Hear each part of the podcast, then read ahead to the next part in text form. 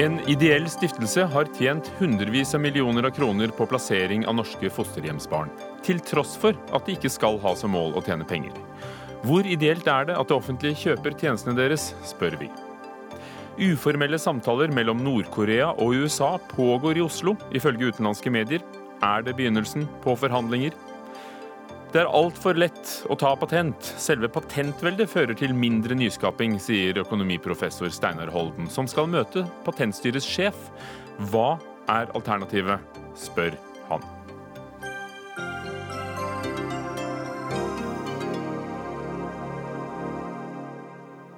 Velkommen til Dagsnytt 18 med Ugo Fermarello i studio.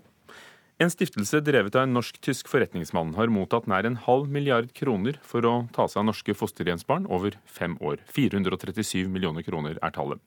Dette er det VG som skriver om i dag, om hvordan fosterhjemnettverket Fyrlykta har gått med store overskudd, gitt lederne millionlønninger og ført store summer ut av landet.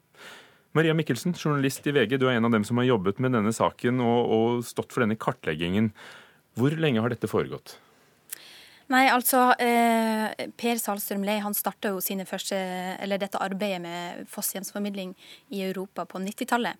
Men her i Norge så etablerte han seg i 2011, altså like før eh, en konkurranse for ideelle ble utlyst her eh, av eh, Barne-, ungdoms- og likestillingsdirektoratet. For det er altså sånn at det er bare ideelle stiftelser som kan eh, selge disse tjenestene til det offentlige, altså organisere fosterhjem. Hvordan har denne stiftelsen klart å, å da skjule at de i praksis tar ut millioner og hundrevis av millioner av kroner over disse årene i fortjeneste, all den stund en ideell stiftelse ikke har lov til det? Altså, eh, det er jo sånn at um, Bufdir prioriterte tilbake i 2011 og 2012 at uh, det var uh, ideelle organisasjoner, altså organisasjoner som uh, ikke har profitt som formål, skal prioriteres. de skal få avtaler som gjør at de skal få levere fosterhjemstjenester. Så dette er altså staten, Barne-, ungdoms- og familiedirektoratets egen beslutning? Ja, eller det var jo politiske føringer fra, fra Audun Lysbakken hovedsakelig som sa at ideelle skal prioriteres i den køen. Og så uh, var det da uh, eh, 13 aktører som fikk uh, de avtalene. og det som kjennetegner en ideell aktør, er at du skal ikke ha profitt som formål, eller at overskuddet skal gå til allmennyttige formål. og så får jo Fyrlykta, stiftelsen Fyrlykta får en av disse avtalene. Eh, og på kort tid da eh, får eh, store inntekter basert på den avtalen. Og går også med Har en veldig høy lønnsomhet og oppnår store overskudd. Og det vi har sett, da, er at noe av de pengene som de har fått fra, fra norske myndigheter, har blitt brukt, som du sa, til, million, til millionlønninger. Det er også er overført penger som en medlemsavgift til en paraplyorganisasjon i Tallinn. Eh, og så er jo spørsmålet er det meninga at det er det eh, norske skattepenger skal brukes til. Vi har selvfølgelig spurt stiftelsens eh, leder og grunnlegger eh, om å være med, men han eh, hadde ikke anledning. Men så er det sagt. Er det ulovlig? Eh, det vi har gjort eh, i dag, er jo å presentere de funnene vi har, eh, det vi har kommet fram til. Presentere fakta.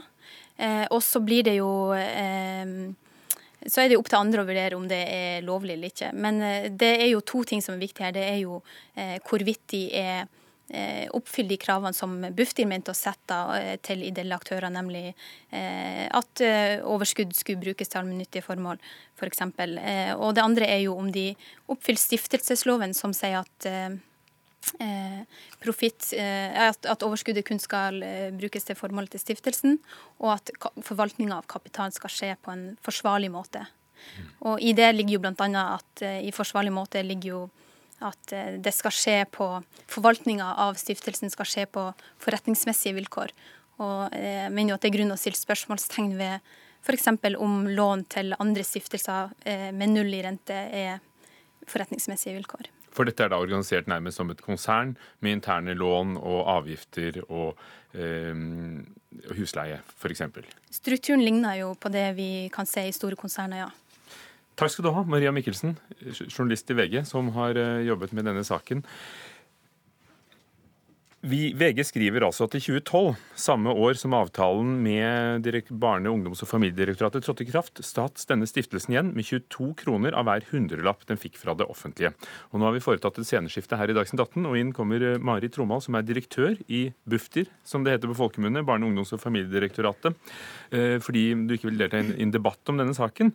Eh, men altså, da denne avtalen trådte i kraft, så satt stiftelsen Fyrlykta som det er snakk om, igjen med dobbelt så mye som den kommersielle barnevernsgiganten Aleris Ungplan, som er en annen aktør. Stemmer dette? Eh, nå har jeg ikke akkurat tallene eh, sammenligningsvis mellom Aleris og Fyrlykta foran meg akkurat eh, nå. Og, og sånn, som, sånn, som, vi vurderer det, så er det ikke Fyrlyktas måte, kostnader knyttet til det enkelte barn de ivaretar, som er hovedproblemstillingen som VG drar opp. Men det er hvorvidt Fyrlykta er en ideell aktør som er den problemstillingen som VG stiller spørsmålstegn ved og hvorvidt dere burde forstått dette før, hvis det er sånn at de ikke er det. Eh, som du leser den kartleggingen og avsløringen VG har stått for i dag, kan du være sikker på at dette er en ideell stiftelse? Nei, VG har jo jobbet lenge med, med dette og, og, satt på tunge ressurser for å gjøre en, en grundig kartlegging, sånn som vi vurderer det. Vi har eh, vært eller Det å være en ideell aktør krever jo en egen vurdering. og Den vurderingen har vi gjort av Fyrlykta ved de anledninger hvor Fyrlykta har vært inne i konkurranse, som det heter, for å bli vurdert for å levere tjenester. Og De vurderingene vi har gjort, har vært at Fyrlykta, Fyrlykta er en ideell stiftelse. Når det er sagt, så har det, har det også vært, eh, vært, problemstillinger rundt fyrlykta som har gjort at vi har gått inn og gjort ekstra vurderinger underveis. Bl.a. gjort eh, vurderinger av regnskapstall osv. for å gjøre revurderte vurderinger. Men de vurderingene har igjen da eh, vi landet med at de er en ideell stiftelse. Men dere har vært bekymret nok til å ta saken opp med Lotteri- og stiftelsestilsynet, som ikke har gått inn i den. Men det betyr jo at på et eller annet tidspunkt har dere funnet ut at dere kanskje ikke opererer som dere skal? Helt klart så har vi vært bekymret for uh, fyrlykta. Og da, når man uh, er det, så må man gå inn, gjøre en vurdering og falle ned på en beslutning om de er enten det ene eller det andre. I tillegg så er det jo slik at Oslo kommune har gjort en selvstendig vurdering av dette og konkludert med at de ikke er en ideell stiftelse. Og det er klart, Den konklusjonen har vi også gått nøye inn i. Jeg skulle, jeg skulle komme mm. dit, fordi Det virker jo paradoksalt at Oslo kommune, som også kjøpte fosterhjemstjenester av stiftelsen Fyrlykta, etter en vurdering fra byfogdembetet, altså vi snakker da om eh, en rettsinstans, kom til at dette er ikke en ideell stiftelse.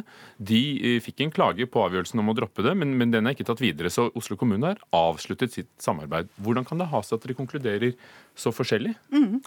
Og her kommer jo nettopp til det at dette er vanskelige forhold, som også på en måte VG beskriver veldig godt, at dette er komplekse strukturer. Sånn at når vi ble gjort kjent med Oslo kommunes vurdering, så, så vi, leste vi jo nøye det, den konklusjonen som byfogdembetet kom til. Og de beskriver jo der også at de var i tvil med konklusjonen hvorvidt de var ideelt eller ikke, men landet på, akkurat som du sier, det standpunkt at de, at de ikke var ideelle. Men de også var i tvil. Etter eh, vi ble da, eller så den konklusjonen, så har vi gått en ny runde ved at vi har stoppet å gjøre nye, nye kjøp hos Fyrlykta og iverksatt en, en, revisjon ved et av de aller største revisjonsselskapene i Norge, for nettopp å bringe klarhet i hva som er status ved Fyrlykta. Så dere har altså stoppet kjøp av nye tjenester? Det er helt riktig. VG skriver at i løpet av fem år i Norge så har altså Salstrøm Leis stiftelser hatt inntekter på 437 millioner kroner, som blir skattefrie fordi ideelle stiftelser ikke betaler skatt, fordi nettopp overskuddet skal pløyes tilbake i virksomheten.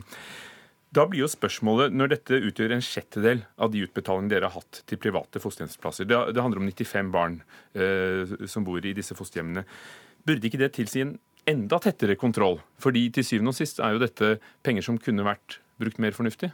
Ja, det er klart Dette er store tall, og det er jo også begrunnelsen for at vi har endret praksis når det gjelder vurderinger av innkjøp av denne typen kontrakter. Man er klar over at dette er, er barn som har store behov, gjerne sammensatte behov, eller barn som har akutt behov for en spesialisert fosterhjem. Dette er ikke de vanlige fosterhjemmene i Norge, som vi har 11 000 av, hvor vi har private familier som gjør en stor og viktig jobb for norske fosterbarn. Dette er veldig spesialiserte hjem. Og for å bli bedre på både oppfølgingen av disse kontraktene, så har vi samlet all kompetansen i Bufetat, både juridisk og økonomisk, i ett sentralt miljø for nettopp å understøtte disse avtalene. Og Vi så jo også at det hadde en effekt på både kostnadsbildet og kontraktene. Men det har jo tydeligvis ikke vært spesialisert nok til at dere føler at de kan gjøre denne vurderingen selv, siden dere har bedt det store byrået Deloitte om å foreta denne vurderingen i påvente av nye kontrakter. Eh, er ikke dette en kompetanse dere som kjøper av disse høyst spesialiserte tjenestene burde ha selv? Ja, bare for å skille litt. Når det gjelder, gjelder de, det spesialiserte miljøet vi har, er det for å gå inn på kontrakter og vurdere på en måte hva er det barnet trenger, hvordan skal vi få et godt nok tilbud, hva er et riktig hjem til dette barnet, for nettopp å være en god forhandlingspart i de enkelte kjøpene. Når det gjelder det oppdraget som vi har satt ut til Deloitte, er det for å se på på forretningsstrukturen, økonomien, regnskapene for å avklare hvorvidt de er en ideell virksomhet. Det er ikke noe vi gjør i hver enkelt sak, det gjør vi på en måte på selskapet i sin helhet. Så det er litt forskjellige vurderinger. For hvis det viser seg, og dere også kommer til, at dette ikke er en ideell stiftelse, hva betyr det da for, ikke nødvendigvis for barna, som dere har hatt kontroll med, men for pengebruken? Ja, Vi er opptatt av eh, barna også. Eh, det er helt åpenbart. Dette er omtrent Men det sier dere, det kontrollerer det. Hva betyr det for hvordan dere har forvaltet pengebruken, hvis noen har tjent penger de ikke skulle tjene på det, og det var formålet med denne regelen? Det vi blir opptatt av nå, er å gå grundig gjennom den eh, revisjonsrapporten vi får fra Deloitte. Den vil vi se på for å se på En ting er konkret på fyrlykta, hvordan vi skal eh, håndtere det, og se på hvilke konsekvenser også det vil få for det avtaleforholdet som vi har hatt med fyrlykta. Så det må jeg komme tilbake til. Og da er du hjertelig velkommen hit, men i, i, mellomtiden, altså dere har stanset innkjøpene. Hvis dere skulle komme til en konklusjon, som Oslo kommune, at dere ikke kan kjøpe tjenestene fordi denne stiftelsen er ikke ideell, og igjen, vi har spurt dem om å være med i sendingen i dag, de kunne ikke. Hva skjer med de 95 barna som bor i fosterhjemmene? Ja, det er klart at Vi er veldig opptatt av eh, at ikke disse barna eller fosterfamiliene skal bli rammet av en eventuell konflikt mellom eh, oss og Fyrlykta knyttet til hvorvidt de er en ideell stiftelse eller ikke. Sånn at Her vil vi ønske å ha dialog og finne løsninger for hvert enkelt barn. Det har vi hatt i andre situasjoner hvor, hvor det har vært private, om de har gått konkurs eller andre ting, hvor vi da går inn og sørger for at disse barna får god hjelp også fremover, dersom det blir aktuelt å gjøre noe med avtalen med fyrlykta. Når venter du en avklaring? Dere er blitt innkalt på, på, teppet til statsråd Solveig Horne? Ja, det er riktig. Statsråd Horne har, og det er klart at med det oppslaget i VG, så er hun i sin fulle rett til å be oss komme og redegjøre for hva som er eh, situasjonen. Så det skal vi gjøre neste uke. Vi får eh, rapporten av Deloitte i løpet av på en måte, de nærmeste par ukene, og kommer til å gå raskt inn i det og treffe en beslutning på bakgrunn av det som rapporten viser. Takk skal du ha, Mari Tromal, direktør i Bufdir, Barne-, ungdoms- og familiedirektoratet. Dagsnytt 18 alle hverdager kl 18.00 på NRK P2 og NRK2.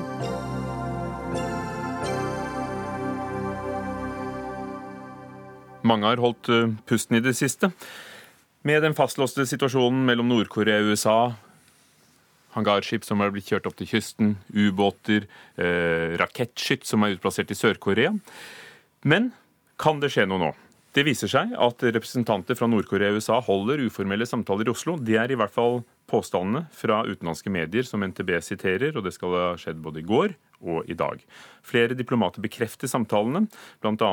Eh, Sveriges FN-ambassadør overfor en japansk TV-kanal. Og i overfor en annen japansk TV-kanal eh, var det en talsmann for Kinas utenriksdepartement som sa det samme. I Norge har ikke UD villet kommentere saken.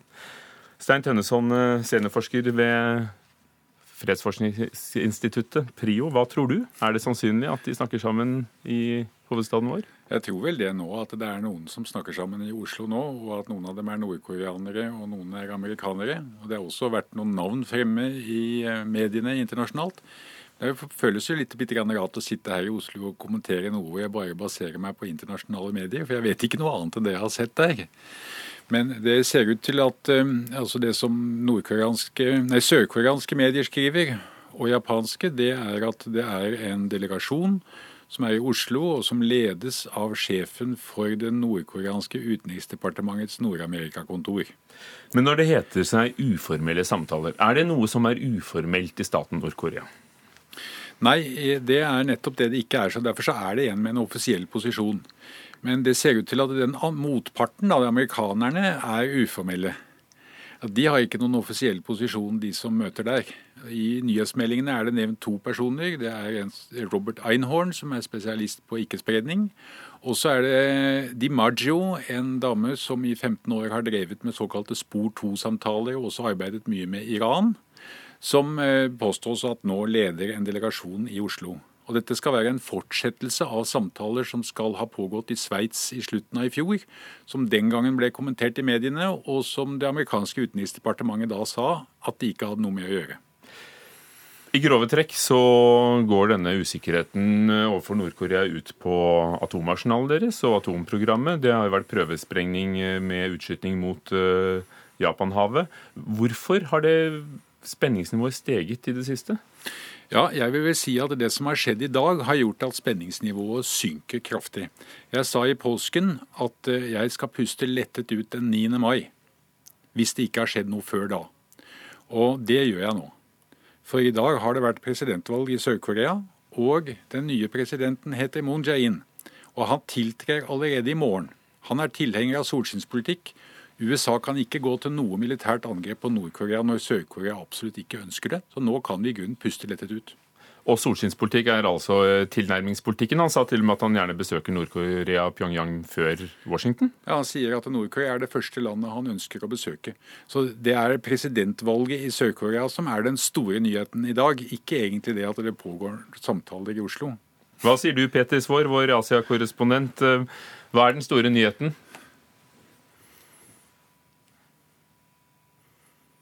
Er den store nyheten her, det er jo, eh, det er jo som Tønneson sier helt riktig, det er valget i Sør-Korea, og at en liberal kandidat eh, i Sør-Korea nå etter alle solmerker har vunnet det valget. Men eh, det er klart at disse informasjonene nå om at det har vært samtaler, eller kan pågå samtaler i Oslo, det er jo ikke helt overraskende. Vi vet at det var en delegasjon fra Nord-Korea som var på vei til Washington i vinter. De skulle komme i februar, men så kom jo drapet på Kim Jong-nam, eh, Kim Jong-uns storebror, eh, og en ny rakettest fra Nord-Korea, det gjorde at det ble for politisk vanskelig for amerikanerne å gi denne delegasjonen visum. Disse spor 2-samtalene har jo pågått gjennom flere år, og det spesielle med dem denne gangen er jo egentlig bare at de foregår i Norge. Det er ikke noe som tyder på at norske myndigheter har hatt veldig mye med dette å gjøre. Og de skjer jo på et relativt lavt nivå fra amerikansk side. Der er det en eh, tenketank med tidligere diplomater som styrer forhandlingene. Mens eh, på nordkoreansk side så er det jo lederen for Amerika- eller USA-desken i nordkoreansk UD. Og hun, skriver sørkoreanske medier i dag, har en direkte forbindelse til Nord-Koreas leder Kim Jong-un. Hva står i veien for å, å virkelig gjenoppta reelle forhandlinger på høyt nivå fra begge stater om Nord-Koreas atomprogram? Ja, Det som først og fremst står i veien nå, det er jo eh, amerikanernes ultimatum, som eh, eh, Obama-administrasjonen gjorde helt klart. At amerikanerne vil ikke starte nye forhandlinger med Nord-Korea før landet fullstendig oppgir sitt atomprogram. Og Det mener jo mange Nord-Korea-eksperter, også her i Kina, at det er helt urealistisk. Så sannsynligvis så er jo disse spor 2-samtalene som nå Eh, pågår, eh, de vil jo også være forhandlinger om forhandlinger. Altså at man forsøker å finne måter å kunne restarte reelle forhandlinger på og komme tilbake til forhandlingsbordet, få seksnasjonerssamtalene opp og stå igjen. For det er klart at Hvis man skal ha reelle forhandlinger om alt fra FN-sanksjoner til eh, Nord-Koreas atomprogram, så holder det uansett ikke at Nord-Korea og USA møtes. Da er også Kina, Japan, Sør-Korea eh, i hvert fall nødt til å være med på det, fordi at de også har eh, klare interesser. Og Kina er jo f.eks. også vetomakt i Sikkerhetsrådet. Forhandlinger har vært eh, forsøkt tidligere. Er det noe som tilsier PTS for at eh, denne gangen vil det kunne lykkes? Ja, jeg tror det som eh, er sammenlignbart nå og på 90-tallet, det er jo at Bill Clinton, da han eh, tiltrådte som president, eller i, i, hvert fall i hans første periode, så vurderte han jo eh, et eh, preventivt angrep mot Nord-Koreas atomanlegg. Problemet var at de tapsanslagene han fikk tilbake fra sine generaler, de var så overveldende at han forsto at det ikke var noe reelt alternativ. Det er snakk om millioner av døde i løpet av noen dager. og Derfor så valgte jo Clinton ganske raskt å, å gå i forhandlinger fordi at han så at det var det eneste reelle sporet. Og mange her sier at man var veldig nær å komme til en løsning. Eh, en slags Iran-avtale med nordkoreanerne på slutten av 1990-tallet, begynnelsen av 2000. Men så kom jo George W. Bush. 11.9 skjedde. Nord-Korea ble del av ondskapens akse, og disse forhandlingene eh, kollapset. Eh, nå er det på mange måter det samme som har skjedd igjen. Trump har jo gjort et eh, policy review, hans administrasjon har gjort et policy review av eh, sin politikk overfor Nord-Korea. De har også vurdert eh, de militære opsjonene, men de er ikke appetittvekkende, for å si det forsiktig. og Dermed så står de på mange måter igjen med forhandlinger. og de ser at det er den eneste måten på kort sikt nå å se om man kan gjøre situasjonen på Korea mer stabil enn det den er. Så Amerikanerne har jo på en måte oppdaget, oppdaget forhandlingssporet eh, to ganger etter hverandre gjennom å se at eh, det militære sporet ikke er veldig gangbart. Takk skal du ha, Peter Svaar. Ja, Stein Tønneson eh, ved Prio. Hva er sjansene for å få med seg Kina på disse forhandlingene, og hvorfor, hvorfor gjør ikke Kina noe med Nord-Korea? Ja, Kina gjør jo noe, og Kina er veldig ivrig på at det skal bli direkte forhandlinger mellom Nord-Korea og USA. Det må vi også nå regne med at Sør-Korea vil være ivrig etter.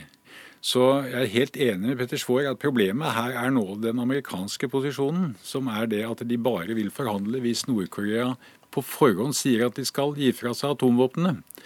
Det Kina ønsker, er å få en avtale mellom Nord-Korea og USA som gjør slutt på alle Nord-Koreas tester av raketter, og som gjør slutt på prøvesprengningene. Og så må USA og Sør-Korea til gjengjeld forplikte seg til å ikke gjennomføre provoserende militærøvelser av den typen som de har hatt de siste to månedene. For Kina vil vel ikke ha et aktivt USA så nært innpå seg? Det kanskje er beleilig for dem at Nord-Korea ligger der imellom? Vi kan regne med en, en bedring, klar bedring av forholdet mellom Sør-Korea og Kina nå. For særlig hvis Sør-Korea eh, sender bort igjen dette her rakettskjoldet som den nyvalgte presidenten har vært mot, eh, og som Trump var så dum at han midt i presidentvalgkampen i Sør-Korea sa at sørkoreanerne selv måtte betale for. Hans, de konservative i Sør-Korea ble jo rasende på Trump etter det. Trump har gjort alt han har kunnet nesten for å skyve Sør-Korea fra seg ved en rekke påstander, som f.eks. at Korea var en del av Kina historisk. Og han unnlot å ringe den fungerende presidenten i Sør-Korea om Nord-Korea-spørsmålet når han ringte Kinas president og Japans statsminister. Alt dette er blitt lagt merke til i Sør-Korea, og motstanden mot Trump har nok spilt en vesentlig rolle i den sørkoreanske presidentvalgkampen. Men spørsmålet er nå, altså amerikanerne må, må, nok gå inn på, hvis de skal være med i det hele tatt, så må de gå inn på å forhandle og uten at Nord-Korea har lov til å gi fra seg atomvåpnene på forhånd. For eh, som tilskriftet tidsskriftet The Economist skrev, er det noe rasjonelt argument for at Kim Jong-un, eh, lederen i Nord-Korea, skulle gjøre det? Gaddafi gjorde det, og, han endte opp død? Nei, Det fins ikke, men det kunne være en mulighet for at Nord-Korea ville gå med på å ikke utvikle sitt atomprogram videre. Og da ville USA kunne oppnå at Nord-Korea ikke utvikler langdistanseraketter som kan ramme det amerikanske kontinentet. Og det vil jo være en strategisk gevinst også for USA.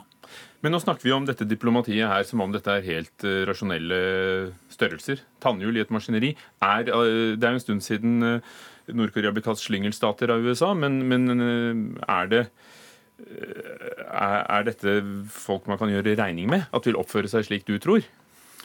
Ja. Kim Jong-un er ikke sånn som mange sier uberegnelig. Tvert imot, han er en helt klar beregnelig leder.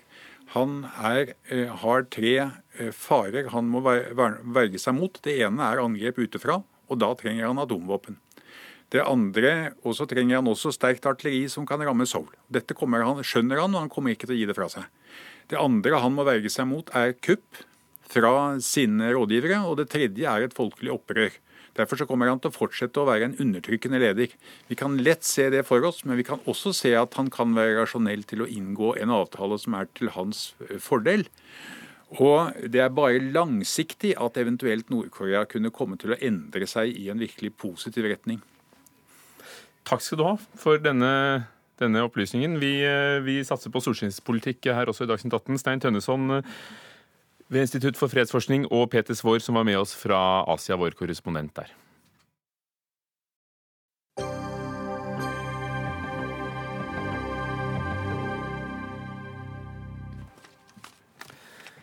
Fredag kveld var det brann i Oslofjordtunnelen. Det er den som forbinder Akershus og Buskerud. Et vogntog tok fyr. To personer måtte gjemme seg i et evakueringsrom. En halv kilometer av tunnelen er ødelagt, og den forblir stengt i flere uker fremover. I dag møtte lokalpolitikere Statens vegvesen for å drøfte sikkerheten i tunnelen. I fjor måtte den stenges 182 ganger. Er dette her 7,3 km med hodebry, Terje Moe Gustavsen, veidirektør? Ja, eh, det er hodebry eh, med Oslofjordtunnelen. Så er det også noe hodebry med andre ting, men det er ikke noe tvil om at det er en tunnel som har vært og er utsatt. Er den verre enn andre tunneler? Ja, fordi at det er eh, en av de mest trafikkerte enløpstunneler vi har, og så er den undersjøisk i tillegg. Så samlet sett så er det nok flere hendelser i Oslofjordtunnelen enn de aller, aller fleste andre tunnelene. Men det er også mer trafikk enn de aller fleste tunnelene. Er det flere hendelser per kilometer? Nei, vi har ikke noen indikasjoner som tyder på det. Eh, men, men det er klart at den har egenskaper som gjør at den er krevende, med 7% stigning i begge retninger. Og det at den er et, et løpstunnel, og da igjen kombinert med at den er så vidt trafikkert. Og så har vi også en side ved det at den er, den er under havet. For den er altså brattere enn det som ville vært godkjent i dag av EU. Men da den åpnet i 2000, var den helt fin? Ja, altså da var den i samsvar med det regelverket som fantes da. Så er det helt korrekt det du sier, at uh, for nye tunneler nå så er kravet om maksimalt 5% stigning. Hva bestemte dere i dag? I dag så bestemte vi at eh, vi, altså Statens vegvesen, vil innhente innspill og alt som er fra lokalpolitikere, fra miljø, fra Lastebileierforbundet og andre brukergrupper. Det vil vi tillate oss å bruke en tre-fire dager på å tenke gjennom. Og så vil vi etter hvert komme med mulige tiltak som vi igjen vil komme tilbake til fylkeskommuner og kommuner og, og brukergrupper med, før de iverksettes. Og dette skal altså, vi... Lokalpolitikere, brukergrupper, er det noen som kan lage og drive vei, så er det vel dere? Hva, ja, da, men... hva, hva er det dere mener trengs? Ja, men altså Det vil vi nå overveie. Det er mange muligheter her. altså I forhold til mulige restriksjoner, mulige tiltak, varmesøking osv. Så, videre. så det er et ganske bredt spekter. og Vi er jo ikke blanke på dette her. Men det er selvsagt sånn at veldig mange av de tiltakene vil ha konsekvenser for de veifarende, for transporten. Og det vil vi drøfte med brukerne. Fylkesordføreren i Buskerud har eh, ett tiltak. Han har foreslått brannbil og tungbergingsbil like ved tunnelen. Er det, er det noe han vil få? Det er notert. Det er notert. Det er notert. Vil han få det? Nei, det er altså en vurdering vi må gjøre sammen med andre ting. fordi at eh, Jeg, jeg, jeg er opptatt av at vi gjør de riktige og viktige tingene, eh, sånn at vi får en mest mulig trygg tunnel. og Det er det som er målet, og ikke noe annet. og Det skal vi forsøke å komme så langt vi har med politikerne også, men de må vente litt, fordi du vil ikke gå i debatt i den rollen du har som veidirektør. Men Terje Moe Gustavsen, 13 branner, 12 branntilløp.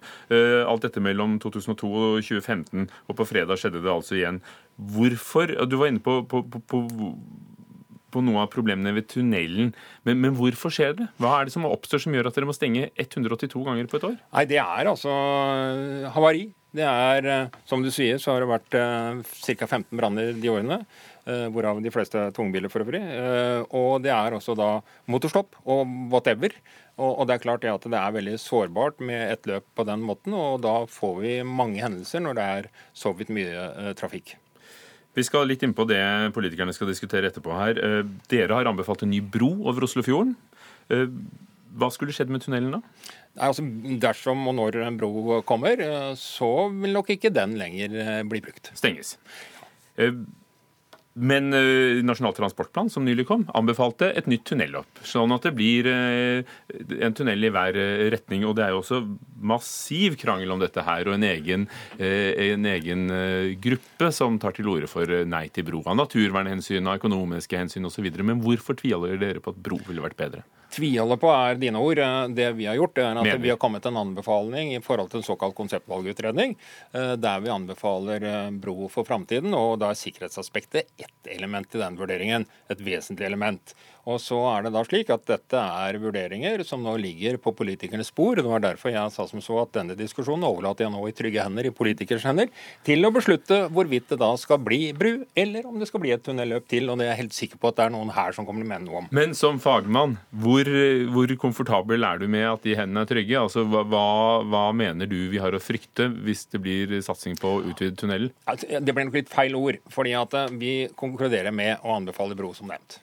Men det er jo også opplagt at med ett tunnelløp til, så vil det bli en vesentlig høyere eh, sikkerhet samlet sett. Fordi ikke minst konsekvensene og hendelsene vil bli helt annerledes med to løp. Sånn at det er helt urimelig å sammenligne ett løp og, og bro. Det, det, det, er liksom eh, sånn at Da må man se på helhetsbildet. Så det er liksom ikke helt pest og kolera, dette her. Men vi har altså anbefalt det vi har gjort, og så legger vi dette i trygge hender akkurat nå. Når åpner den igjen? Eh, vi tror at vi kan åpne om en to-tre uker. Eh, om vi da kan åpne for fullt eller whatever, det er en del av den prosessen vi går nå. Takk skal du ha. Terje Moe Gustavsen, eh, veidirektør. Tuva Moflag, ordfører i Ski for Arbeiderpartiet. Er du fornøyd etter dagens møte? Ja, jeg syns det var et godt møte der vi fikk snakka litt om hva som er behovet på kort sikt med tanke på, på, sikkerheten der. Men dette er jo en todelt sak. Det handler om hva skal vi gjøre nå for å gjøre denne ene tunnelen så sikker som mulig. Og så er det jo da det store spørsmålet hva skjer i neste omgang? Hva beslutter vi i NTP-prosessen?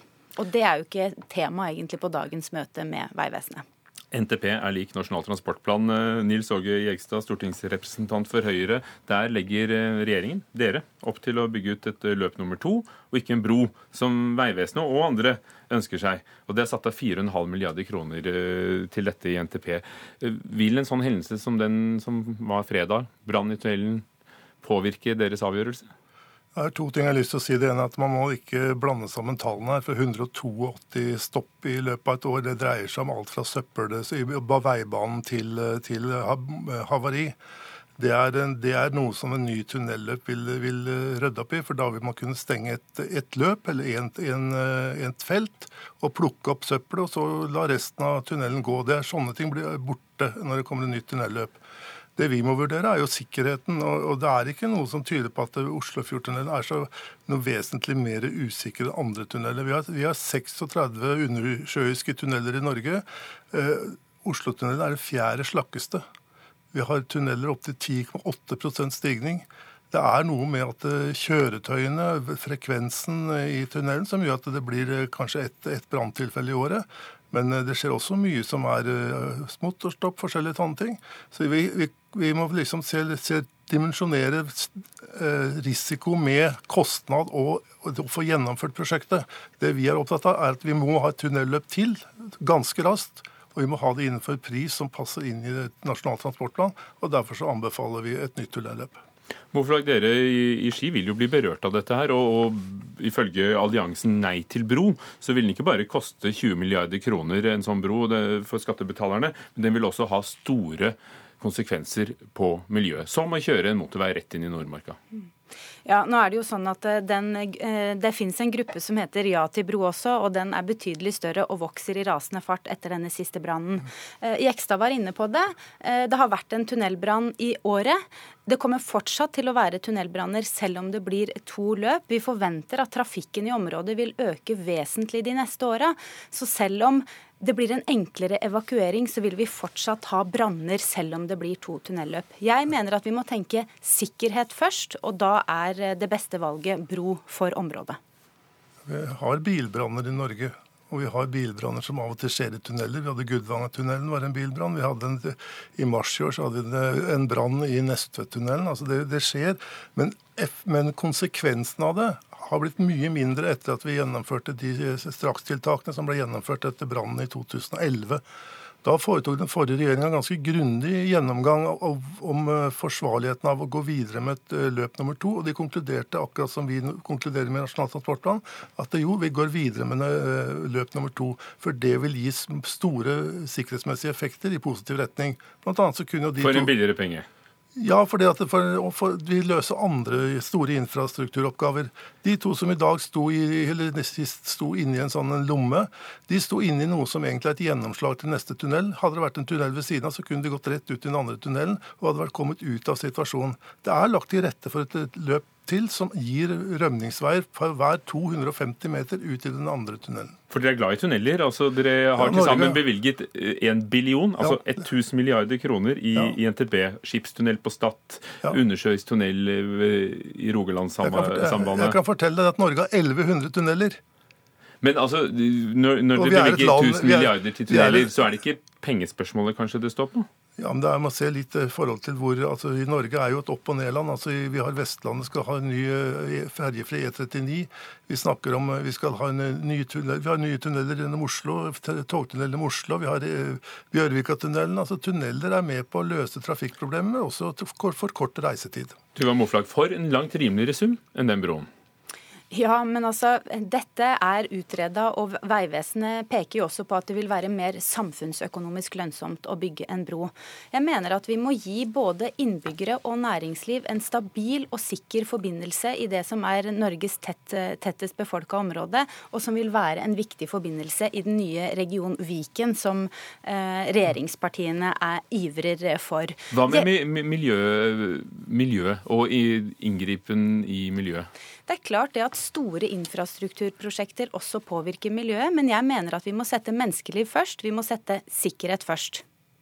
Jeg bare si at Miljøaspektet det som er, det er et av poengene at vi hadde jo en stor utredning om dette på, i forbindelse med flyplassetablering i sin tid.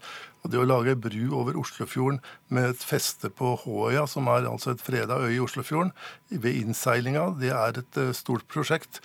Og vi mener at det, haster, det, haster, vi mener at det haster å få gjennomført uh, en tunnel til, for det vil være med å gi en sikre, økning av sikkerheten for uh, bilistene som bruker tunnelen. Og, så, og garantert vil gi lastebilbranner også i framtida. Men som en, hvor det kan rømmes på en sikrere måte. For uh, Tuva Moflag, som ordfører, du ville løse dette problemet så snart som mulig, og en, en, bro vil ta betraktelig flere år å få på plass? Ja, men jeg mener at det er verdt å vente på. Dette her er snakk om samfunnsutvikling for 50-100-150 år fram i tid. Da må vi ta den riktige beslutninga nå. Bygger vi et nytt tunnelløp, så er jeg helt sikker på at det ikke blir noe bro. Men, det blir ikke begge deler. Tallet er altså ulykkesfrekvensen er omtrent halvparten av normal ulykkesfrekvens på undersjøiske tunneler. Hvorfor skulle dette eh, spesialbehandles? Altså 0,048 ulykker per million kjøretøykilometer er tallet for Oslofjordtunnelen. To branner de siste tre ukene. Ja, vi må snakke med. Det er, to, det er to branner. Det er egentlig bare to store branner i Oslofjordtunnelen. Den ene hadde vi 23.6 i 2011. Da, etter det så ble det gjort en grundig utarbeidelse av nye sikkerhetstiltak, og de er gjennomført. Etter det så har vi hatt en veldig sikker tunnel. og det, det, Nå var det første gang det brant en lastebil etter det. Og det skjedde, og da ingen, ingen alvorlige skader. Man fikk evakuert de som var involvert. Og det viste at vi har satt i gang tiltak, men vi skal gjøre ytterligere ting for å få det enda sikrere. Bl.a. varmesøkende kamera kan man bruke. Man kan få mange ting som gjør at man kan gjøre dette sikrere. Men, vi, vi, vi, men vi, mener at det å bruke penger for på dette Høyre. Ja. Dere er Kunnskapspartiet, ikke sant? Ja. Og Veidirektoratet som satt her akkurat, er jo deres kunnskapssitat på området, og de anbefaler bro. Hvorfor ja. velger dere å se bort ifra direktoratets egen, eller Vegvesenets egen anbefaling? Fordi samfunnsøkonomisk nytte ikke er noe absolutt begrep. Den uh, Gjørvika-tunnelen i Oslo den var samfunnsøkonomisk ulønnsom. Så kan man se etterpå hva som har skjedd som følge av den, den tunnelen under Bjørvika. Den, det, er, det, er, problemet. Vi er som politikere vi er nødt til å heve oss over matematikken og se også inn i framtiden hva som er mest fornuftig ut fra de ressurser vi har til disposisjon. Og Hvordan vil du slåss mot Nasjonal transportplan? Hvis vi skal heve oss over matematikken, så må vi faktisk bygge en bro. Og det vil jeg kjempe for. For du sier at den faktisk ikke er lønnsom? Jeg sier at eh, investeringskostnadene, vi bør ikke se oss blinde på dem. Jeg mener at vi skal bruke de 4,5 milliardene som er avsatt i Nasjonal transportplan nå, til å begynne med byggingen av en eh, bro. Jobbe for å finne mer penger til eh, en bro. Men hvordan vil du ta den kampen politisk? Vi holder nå på med en mobilisering i Follo for å få bygging av bro. Her er det mange politikere som nå engasjerer seg på tvers av partiskillelinjene, sånn at vi tar den kampen både regionalt og og, og inn mot komiteen. Har du noe med deg fra, fra Høyre, kanskje? Det har vi. Eh, NTP er jo ikke hugget i stein?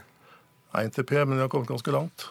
Og vi har, eh, vi har, faktisk, Selv om det er 1000 milliarder i NTP, så er det veldig mange prosjekter som ikke er i NTP, og vi må ta hensyn til totaliteten. Takk skal dere ha. Nils Åge Jekstad, stortingsrepresentant for Høyre, og Tuva Moflag, ordfører i Ski i Akershus for Arbeiderpartiet.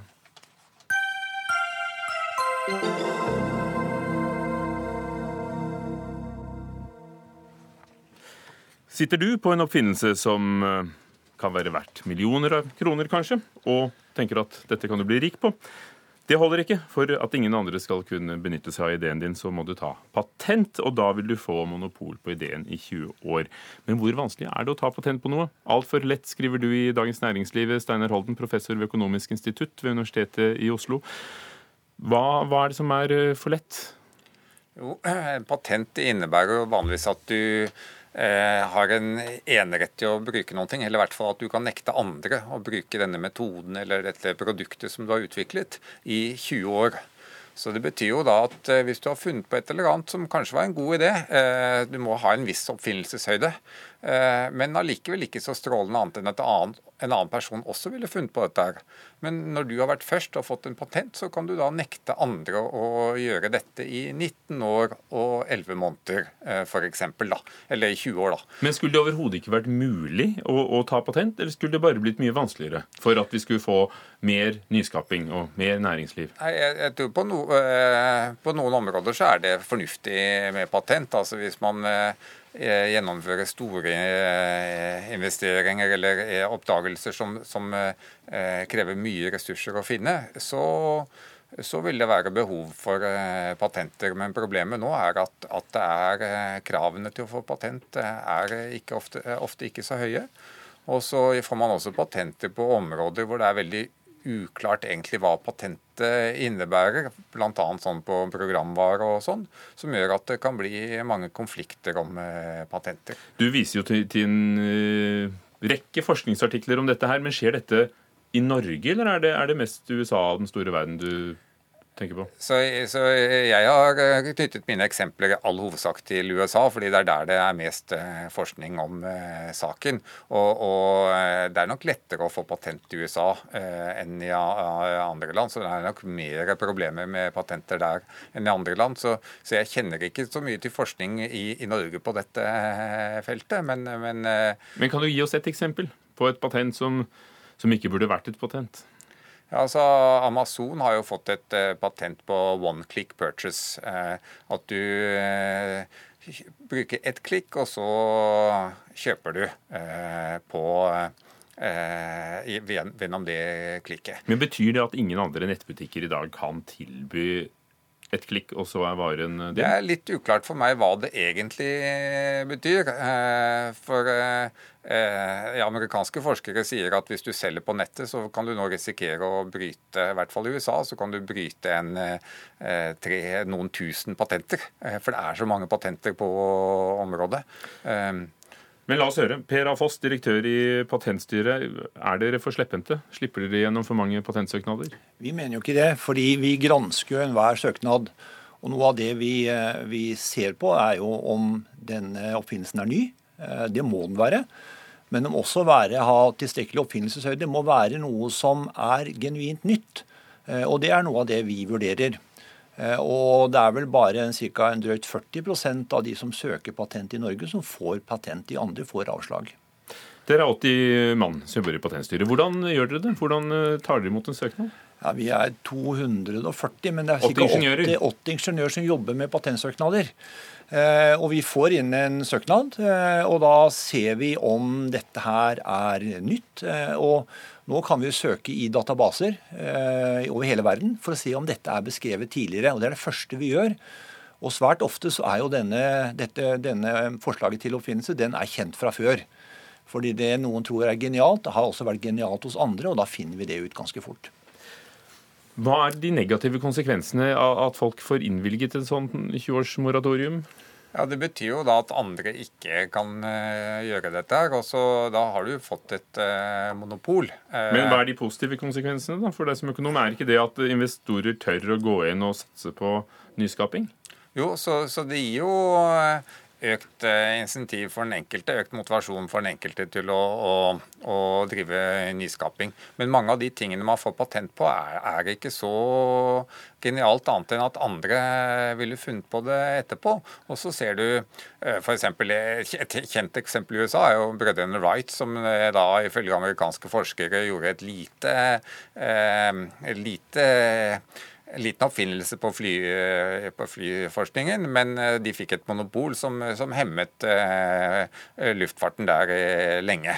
Eh, så, så, dette her er noe som dels så gir det monopoler, at det gir store samfunnsøkonomiske kostnader ved at ting blir solgt for dyrt, fordi den som har fått patent, har, har, det monopolet. En annen ting er at det ofte er vanskelig å, å avdekke hva er grensen for patenter? Så nå i USA så er det en utbredt praksis med såkalte patenttroll. Det er da selskaper som kjøper patenter fra andre eh, selskaper, og så går de til søksmål mot eh, andre selskaper. Og det viser seg i utenom farmasibransjen og kjemi, kjemibransjen, så har amerikanske selskaper mye større tap pga. søksmål knyttet til patenter, enn det de har i inntekter fra patenter. Så det er netto tap eh, ved dette. Så Per A. Foss, eh, ja, er det noen ting positivt? Altså, det øker kostnadene. Advokathonorarene overgår inntektene i noen tilfeller. Og det hindrer menneskeheten å dra nytte av det som faktisk er geniale oppfinnelser. Ja, det er en sånn elendighetsbeskrivelse, da. Men hvis man tenker, vi ser jo på patentsystemet som et innovasjonsverktøy. For det gir jo forutsigbarhet for de som har gjort en oppfinnelse. Da har de da har de et papir som viser at de eier den oppfinnelsen. De kan gå ut i verden og kommersialisere den hvis de ikke har den tryggheten. Det kan du gjøre uansett? Eh, ja, men da kan hvem som helst kopiere deg. Altså Nå har du det monopolet, og du vet at du kan faktisk ha denne markedsadgangen for deg selv i disse 20 årene. Eh, så Vi ser på dette som en måte å faktisk å drive innovasjon. At innovasjon ville vært hemmet hvis vi ikke hadde systemet.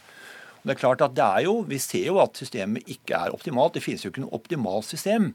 Hva, hva, er da svakhetene, som du ser det fra innsiden? Ja, altså Svakhetene er at vi, eh, altså kravet til å få patent eh, Steinar Holden nevner USA. Hvis vi går tilbake 15 år, så var jo 70% av alle de som søkte patent i USA, fikk patent. Nå, er, nå, har de strammet inn i USA, slik at nå er det ca. 45% som søker, som får patent. slik at de har harmonisert seg med resten av verden. Kan, kan du, kan du, vi hørte et eksempel på et tåpelig patent. Kan du gi et eksempel på et genialt patent? Ja, det kan jeg gjøre. Jeg jobbet i farmasibransjen eh, her før jeg begynte i Patentstyret, i selskapet med Nycomed. Vi utviklet kontrastmidler for røntgenundersøkelser. Det var basert på et patent som ble utviklet her i Norge. Eh, og Det har gjort at, eh, at utviklet midler som har vært til stor nytte for folk som skal ha medisinske undersøkelser. Det hadde aldri skjedd hvis det ikke var mulig å sikre seg denne monopolsituasjonen i 20 år. Ja, på Medisin er jo et, sånt, et, et særlig ting. For veldig mange områder så er det egentlig veldig sterkt motivasjon til å utvikle det at du er først. Eh, men akkurat på medisin så, så trenger du eh, en eller annen beskyttelse. Men en bedre ting enn en patent, det vil jo være at det offentlige eh, ga en belønning. De utvikler, ut, utlyste en belønning hvis man utvikler patenter på nei, et, et legemiddel som tilfredsstiller spesifikke kriterier, så vil du da få en stor sum. Altså I, i USA så er kostnadene for Ehm, for, det, for, legemidler for den amerikanske stat er jo langt eh, over, og forsikringsselskapene langt over det som er forskningsutgiftene til selskapene. Og nettopp i USA var de utsatt for noen patenttroll av noen firmaer som kjøpte opp uh, patenter på livsviktige medisiner for noen år siden og satte opp prisen til, til tigangeren. Er det ikke litt gambling dette her også? Eh, det er alltid de som vil utnytte system. Men du kan si i vår del av verden hvor vi har et offentlig helsevesen, så er det jo noe med at staten som setter prisen det de er villige til å betale. Og Det gjør de ofte på basis av helseøkonomiske beregninger som viser at så mye fordel har ny medisin, så mye er de villige til å betale. Hva Steiner Holden, er ditt alternativ til et fungerende næringsliv? For, for nå driver de jo alle og sender inn patenter i Europa, i Norge, i USA. Altså, det er jo begrenset hva Norge kan gjøre, for vi er avhengig av å konkurrere i, den verden vi lever i. Men jeg ville ønsket at det ble vanskeligere å få patenter. Man hevet eh, terskelen. Og, og hva skal et menneske med en god og lys idé gjøre?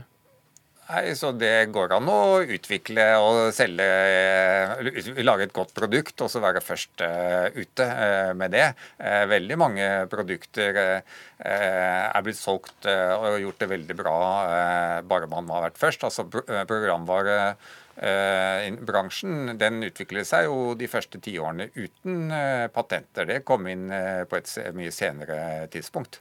Du kan ikke se for deg en verden uten patenter, kan du vel? Eh, nei, så jeg er interessert i å høre hva alternativene er. Men systemet bør Det måtte jo være å, å være god nok, da? og gjøre det raskt nok? Eh, ja, jeg kan jo ikke se hvordan særlig store ting som krever mye investeringer, kunne utvikles uten en form for beskyttelse.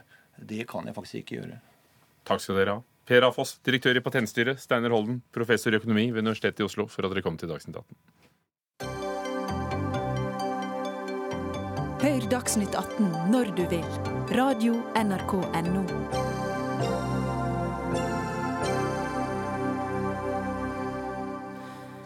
Barnebøker må gjerne få ha et politisk budskap. De kan engasjere, oppildne, provosere, men ikke manipulere. Det skriver Dagbladets kritiker, og mener at det er nettopp det den nye barneboken 'Samir og den lange reisa' gjør. Den manipulerer. Dette er en illustrert historie om Samir og familien hans som flykter fra Afghanistan til Norge. Det ble lansert nå sist lørdag og var nylig anmeldt i, i Dagbladet. Marie Kleve, du er kritiker og bokansvarlig i uh, denne avisen. Hva fikk deg til å reagere på boken? Um, det handler om Jeg har lyst til å understreke først at det er, det er, ikke det at jeg er uenig i budskapet i boka. Jeg tror vi er ganske på, linje i asylspørsmålet, egentlig. Um, men det handler om måten den eh, putter ordene i munnen på barna som leser. Altså Den er veldig Eh, den går, den går veldig én vei. Den åpner ikke for, eh, for, egen refleksjon eller for eh, motargumenter, eller for at barna skal få muligheten til å tenke selv i stor grad. Og det, og det kreves det hvis det skal være en god fortelling, og, og hvis, skal, hvis, budskapet skal nå ordentlig fram også, tror jeg. Sett fra kritikerens ståsted, hva er historien? Det er Det heter jo den, den, I tittelen så står det at det er Den lange reisen til Samir. Uh, og det er også en del av historien. Um, um, det handler om hvordan han uh, blir venner med en norsk jente. Um, og hvordan han uh, får nei på asylsøknaden. men så, så, kommer det jo også en alternativ slutt på historien. Det er en veldig spesiell måte å strukturere den på. hvor plutselig han får ja på asylsøknaden og får lov til å bli. Eh, og innimellom der så hopper også forfatter og illustratør inn um, uh, både i, i, tegnet form og, og, i tekst, og forteller på en måte uh, leseren hvordan de skal lese dette her, og hva de skal uh, mene om saken også, mener jeg da. Kristian Fjellanger, forfatter sammen med Jenny Jordal av 'Samir og den lange reisa'. Er du en manipulativ forfatter?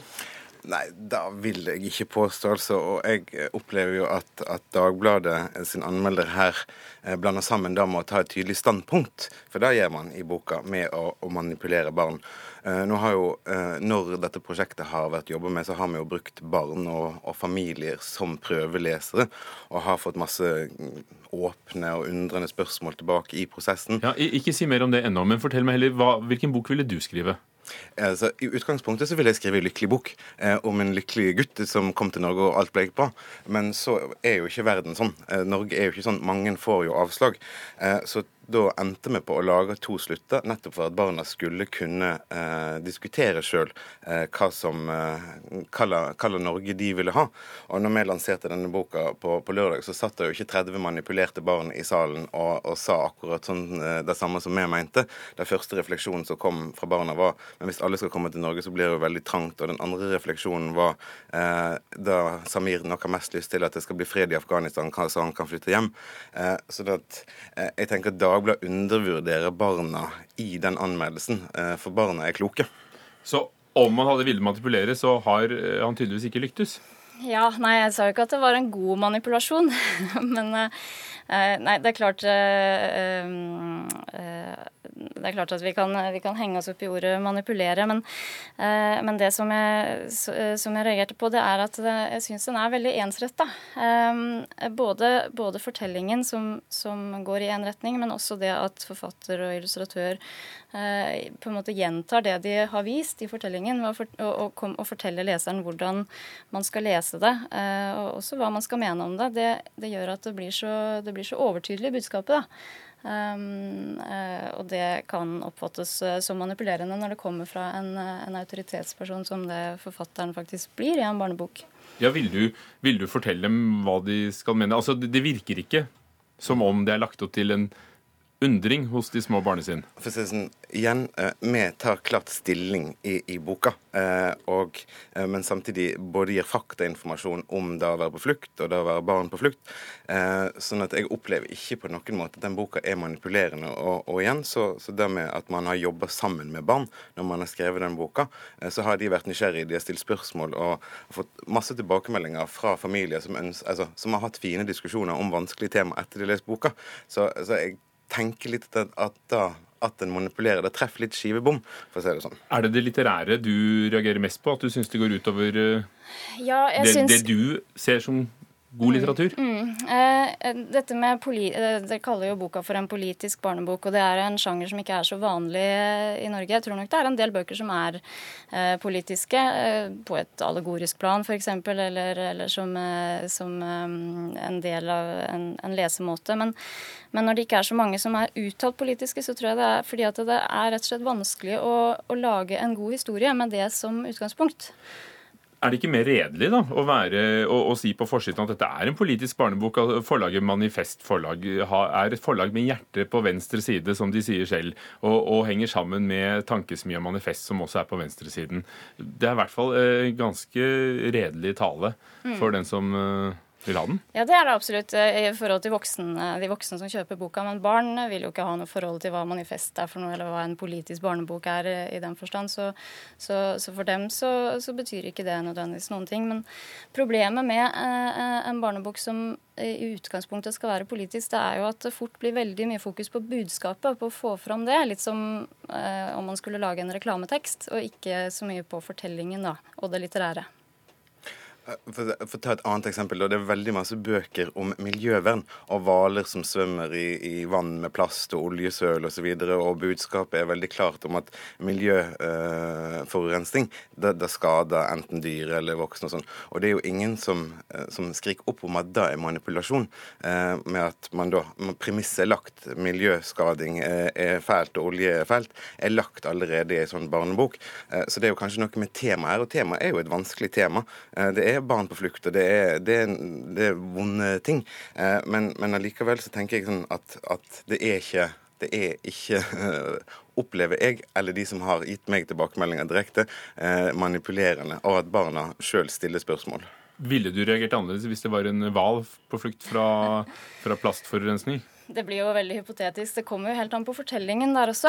Um, men det er klart at uh, det at dette er et brennbart tema, det gjør jo at, uh, at jeg tenker at det er ekstra viktig at, uh, at når man tar det opp Men Er det fordi det er barnebok at du at jeg reagerer? Nei, ja. jeg tenker at denne måten å ta opp historien på i en voksenbok også ville blitt litt merkelig. fordi den er så ensidig rett og slett. Men syns du det er fruktbart utgangspunkt for deg som forfatter for å fortelle en historie? Så Det var den eh, måten vi valgte å gjøre det på, det å, å kunne gå inn og kommentere. Eh, og, og, igjen, vi sier ikke at den ene slutten er, B, eller er mer riktig enn den andre. Vi sier at det er den slutten vi ønsker, for vi, vi, tar et standpunkt eh, om at man ikke ønsker å sende barn tilbake til krig. Kommer det en bok to hvor dere reiser til Afghanistan med Samir? Eh, da, da får, det får vi se hvordan det selger, da. Skal en barnebok være politisk? Altså, Jeg mener at en barnebok kan være politisk. Eh, det er liksom sånn, dette Asylinnvandring er en av de, et av de temaene som tar mest plass i samfunnsdebatten. Og det fins jo knapt en, noen form for barnelitteratur rundt dette temaet. Og, og all, tenk på hvor mange barn som får en ny klassekamerat, som får en ny nabo, som er fra et annet land, som har annen bagasje. Og Det er jo ingen hemmelighet at du Kristian Fjellanger, også jobber med valgkampen i SV. Eh, for deg som kritiker, skal barnebøker være politiske? Jeg syns det gjerne kan være det, eh, men fortellingen må komme først. Det må være en god fortelling, og så kan budskapet komme deretter. Det var vårt siste budskap i dag. Takk. Marie Kleve, bokansvarlig i Dagbladet, og Kristian Fjellanger, forfatter av 'Samir og den lange reise'. Ida Tune Øritsland var ansvarlig for Dagsnytt 18 i dag. Erik Sandbråten, teknisk ansvarlig. Ugo Fermariello, programleder. Takk for i dag.